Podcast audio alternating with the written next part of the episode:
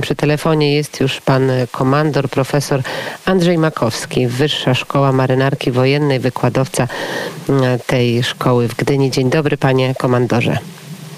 E, Dzień dobry pani redaktor. No, od razu sprostuję Akademia Marynarki Wojennej już od, od 87 roku, także trochę dawno. A, a, a czemu ja tak mam, tak sobie jakoś zakodowałam? Przed, e, poprzednią nazwę podała pani redaktor, Wyższa Szkoła Marynarki Wojennej. W każdym razie Gdynia, y, w każdym Gdynia, w razie każdym Gdynia. Panie profesorze, co dzieje się obecnie na Morzu Czarnym? Jak wyglądają te ruchy? Bo docierają do nas informacje, że okręty rosyjskie odpłynęły na 200 kilometrów od e, brzegów, żeby chronić się przed ostrzałem. No, można powiedzieć e, ogólnie, e, że się nic nie dzieje. Natomiast e, problem polega na tym, że trudno wyjaśnić, co w zasadzie okręty rosyjskie w tej chwili y, robią, czyli co wykonują, jakie zadania wykonują. Te 200 kilometrów jest y, spowodowane przede wszystkim utratą y, krążownika Moskwa, okrętu flagowego, no i zasięgiem pocisków ukraińskich typu Ziemia, Woda, Neptun. Y, To jest podstawowa sprawa, że dowództwo floty czarnomorskiej postanowiło trzymać okręty dalej od brzegu na y, takim maksymalnym zasięgu, jeżeli chodzi o y, odległość czy możliwość y, rażenia tych okrętów z wybrzeża przez y, marynarkę wojenną Ukrainy, bo pociski Neptun należą etatowo do marynarki wojennej Sił Zbrojnych Ukrainy. E, Powiedział pan, panie profesorze, o okręcie Moskwa, to flagowy okręt floty czarnomorskiej. Jakie informacje do nas napływają? E, Co się stało na tym okręcie? Które te scenariusze według pana doświadczenia, według pana wiedzy są najbardziej trafnymi? Scenariusze są, można powiedzieć, dwa. Scenariusz y, y, rosyjski i scenariusz ukraińsko-amerykański, tak możemy go nazwać. Y, Tutaj chodzi mi po prostu o źródła, y, które potwierdzają lub podają określone wiadomości. Y, Więc na dzień dzisiejszy mamy dwa jakby warianty tego, co wydarzyło się na samym krążowniku. Wariant rosyjski mówi o pożarze na okręcie i wybuchu amunicji. Y, Natomiast y, Ukraińcy i Amerykanie potwierdzili to w piątek, podają y, trafienie okrętu dwiema rakietami typu Neptun. Jeżeli chodzi teraz o mój punkt widzenia, więc można powiedzieć, że obie, obie wersje, o tak to, tak to można ująć, e, są e, w jakimś stopniu wiarygodne. Przy czym e, uważam, że bardziej, bardziej wiarygodna tutaj jest wersja amerykańsko-ukraińska. Natomiast jeżeli chodzi o wersję rosyjską, to dlaczego mówię, że jest wiarygodna? Na rosyjskich okrętach po zakończeniu II wojny światowej, można powiedzieć, było ponad 700 pożarów i dwie trzecie tych pożarów miały miejsce na okrętach nawodnych. Y, Także te kwestie, nazwijmy to, związane z bezpieczeństwem okrętu nie były zbyt dobrze czy wysoko postawione, jeżeli chodzi o konstrukcję rosyjskich okrętów.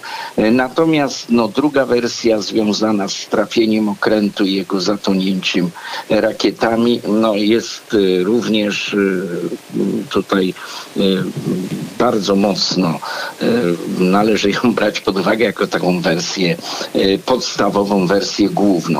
Poza tym chciałem zwrócić uwagę na całą masę sprzeczności, jeżeli chodzi o komunikaty. One można by je uporządkować w jakimś tam sekwencji, y, więc zarówno komunikaty rosyjskie, jak i komunikaty ukraińskie mówiły o sztormie na morzu. Mm, Więc tutaj mm, z kolei y, inny komunikat podawał, że były użyte bajraktary, czy jeden bajraktar, czy kilka. Y, Więc znów mamy znak zapytania, ponieważ no, bajraktary mogą działać przy, według źródeł tureckich do, do siły siły wiatru 70 metrów na sekundę. To już jest poważny, dobry, silny wiatr. No z kolei, z kolei inne źródła podają, że siła wiatru była 10 metrów na sekundę, co zmienia, że tak powiem, stan rzeczy. W każdym bądź razie faktem, fakt jest jeden podstawowy, że okręt zatonął. Kolejnym elementem jest, są straty w załodze. Tutaj straty również są podawane bardzo, bardzo bym powiedział, rozrzut w tych stratach jest bardzo duży i w zasadzie nic nie wiemy. Wydaje mi się i to doświadczenie wskazuje, że przy tego typu wybuchach straty w załodze powinny być e, bardzo duże. E, pewne źródła, ale niezweryfikowane, podają, że od wybuchu samego zginęło 42 marynarzy. E, z kolei rosyjski opozycjonista podaje, że 52 marynarzy uratowano z 510-osobowej załogi. Także jak pani redaktor widzi, tutaj bardzo są rozbieżne te, te dane wszelkie i w zasadzie dopiero po zakończeniu, podejrzewam, działań bojowych będzie można jakoś, jakoś te sprawy wyjaśnić. ja chciałem dodać, że również źródła ukraińsko-amerykańskie dość skromnie podają pewne dane, także tutaj no na dzień dzisiejszy mogę powiedzieć, że w 30% był pożar, i wybuch amunicji, a mm, w 70% musimy przyjąć, że y, okręt został trafiony rakietami przez stronę ukraińską. Y, tak na dzień dzisiejszy rysuje się ten obraz. Natomiast nie ma stuprocentowej pewności, co się wydarzyło. Nie wiemy, co się wydarzyło, ale wiemy, że przeżyli niektórzy żołnierze, tak jak pan e, komandor powiedział. Są relacje najbliższych rodzin tych żołnierzy, którzy przeżyli, e, matek, e, tych także rodziców, którzy, którzy odbierali telefony. Jak w takiej sytuacji w ogóle wydobyć żołnierzy z takiego okrętu? To jest pewnie bardzo trudne zadanie do zrealizowania.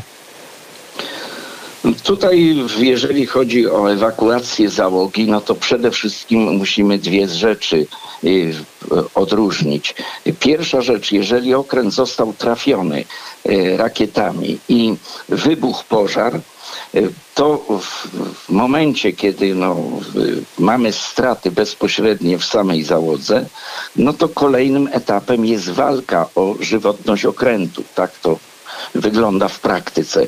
Czyli do akcji wchodzą zgodnie z rozkładami okrętowymi wchodzą do walki z ogniem, z pożarem, z niezatapial... E, o, walki o niezatapialność okrętu określone grupy awaryjne, które prowadzą taką walkę. Czyli jedni zajmują się e, gaszeniem pożaru, inni, jeśli pozwalają na to warunki, e, próbują uszczelnić czy też zapobiec nabieraniu wody przez okręt.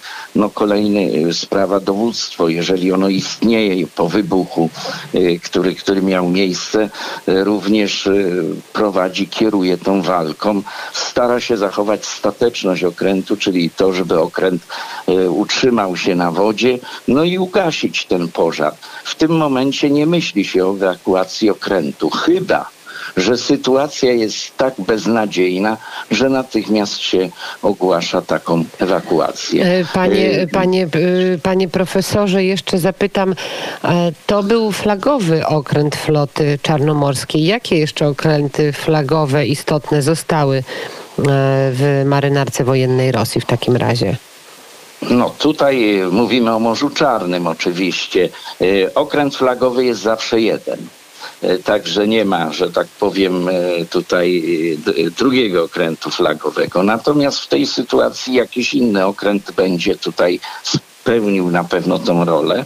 I, I, tutaj jest możliwość wyznaczenia którejś z tych nowoczesnych fregat, które, które mm, były budowane w 2000 weszły do służby w 2014 roku i później.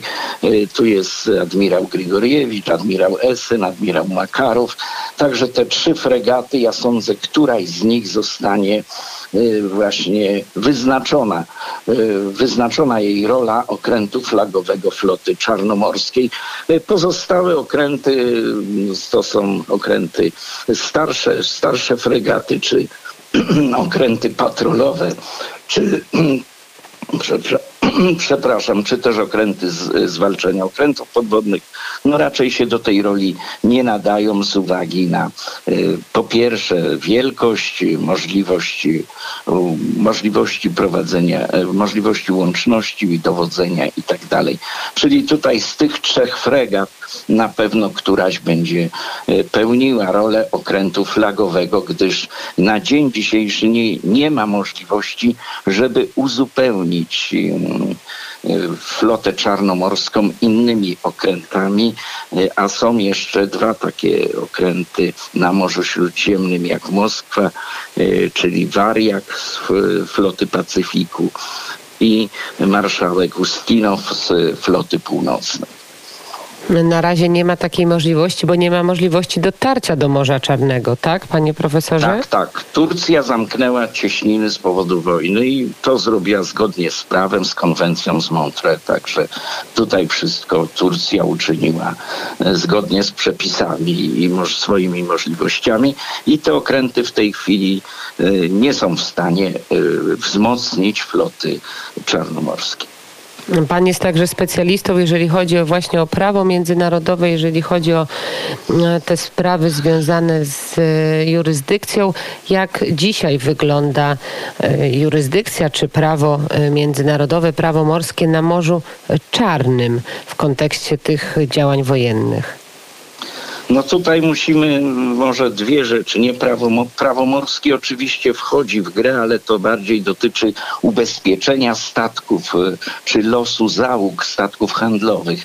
Natomiast jeżeli mówimy o y, działaniach na Morzu Czarnym, to w tej chwili możemy tylko mówić o y, prawie y, wojny morskiej, czy, czy prawie, gdzie stosuje się te, te wszystkie zapisy wcześniejszych konwencji haskich, czy też podręcznika e, z, z teraz, e, który no można powiedzieć jest podręcznikiem obowiązującym Sanremo i traktowany jako prawo zwyczajowe i zawiera wszystkie wcześniejsze przepisy. Tu na Morzu Czarnym mamy w tej, w tej chwili sytuację taką, że Rosja prowadzi blokadę morską Ukrainy. E, oczywiście nie ogłosiła blokady, nie ogłosiła stanu wojny, e, ogłosiła po prostu strefę zwalczania terroryzmu. Ale to jest równoznaczne z prowadzeniem blokady morskiej.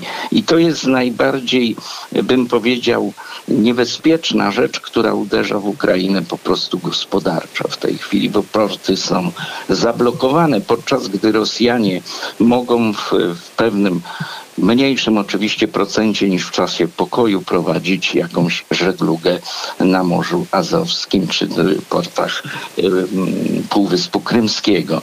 Y, to jest, to jest pierwsza rzecz, która tutaj jest y, istotna. Natomiast z drugiej inne, inne przepisy prawa dotyczącego wojny morskiej w zasadzie tutaj nie są używane, gdyż Rosjanie nie prowadzą jakichś działań, które są związane z zwalczaniem czy okrętów podwodnych, czy e, zwalczaniem żeglugi i tak dalej. E, to by miało miejsce na początku e, tego konfliktu. Mm, natomiast chciałbym mocno powiedzieć, czy podkreślić, że w świetle tych prawnych rozwiązań i tak dalej, trudno w jakiś sposób zidentyfikować Jakie są zadania na dzień dzisiejszy y, floty czarnomorskiej? Czyli co te okręty y, wykonują? Czy pilnują blokady, y, czy też, no oczywiście oprócz tego, że nękają ostrzałem rakietowym wybrzeże, czyli rakietami dalekiego, dalekiego zasięgu typu kalibry, miasta położone wewnątrz terytorium Ukrainy, no to w zasadzie tutaj nie widać jakichś takich działań, bo na, na pewno był planowany desant, ale on nie doszedł do skutku z powodów takich, że, że wojna potoczyła się zupełnie inaczej niż było to zakładane. E, powiedział pan, panie komandorze, właśnie o desancie. Powiedział pan o tym, o czym wszyscy rozmawialiśmy. Mianowicie cały czas e, liczyliśmy albo spodziewaliśmy się tego desantu na Odessę. On się nie odbył i w najbliższym czasie, jak patrzymy na te 200 kilometrów odpłynięcia od e, brzegów morza, raczej to się nie stanie. Tutaj, jeżeli chodzi o desant, to nie wiem, ale wszyscy jakoś podlegamy, czy podlegamy pewnemu takiemu jakiemuś złudzeniu, bo y, można powiedzieć tak, w przypadku takich mórz jak Morze Czarne, ono znów jest zaliczane do mórz, do mórz półzamkniętych lub zamkniętych, takie się określa w konwencji o prawie morza. Y, to tutaj musimy widzieć, że każdy desant morski jest związany z tym, co się dzieje na lądzie. Jeżeli nie będzie postępu e, na, e, tych e, wojsk, które, które walczą na lądzie, to wysadzanie desantu jest po prostu bezsensownym narażaniem życia własnych żołnierzy oraz okrętów. Dodatkowo mogę powiedzieć, że również desanty można, można stosować w obronie i wówczas one spełniają tą rolę, że opóźniają, opóźniają ten ruch czy marsz przeciwnika. No, przy czym straty są oczywiście zawsze wtedy odpowiednio większe. Natomiast tak podsumowując kwestię desantów, na dzień dzisiejszy wydają się one w zasadzie no, niepotrzebne, bo trudno oczekiwać w tej chwili, że ktoś się zdecyduje samodzielnie desantem morskim na przykład zdobywać Odesę. E, to by było no po prostu, byłby to w jakimś stopniu akt samobójstwa, można. I, na, e, I jeszcze na koniec, panie komandorze, jak pan ocenia z kolei e, siły marynarki wojennej Ukrainy? Jak tutaj wygląda ta sytuacja? No tutaj, tutaj ja bym się posłużył e, taką wypowiedzią jednego z amerykańskich e, e, chyba komandorów, którą wczoraj mi się udało znaleźć, że Rosja straciła swój okręt flagowy w wojnie lądowej przez y, który, który no, stratę spowodowała, y, spowodowało państwo, kraj, który nie posiada marynarki.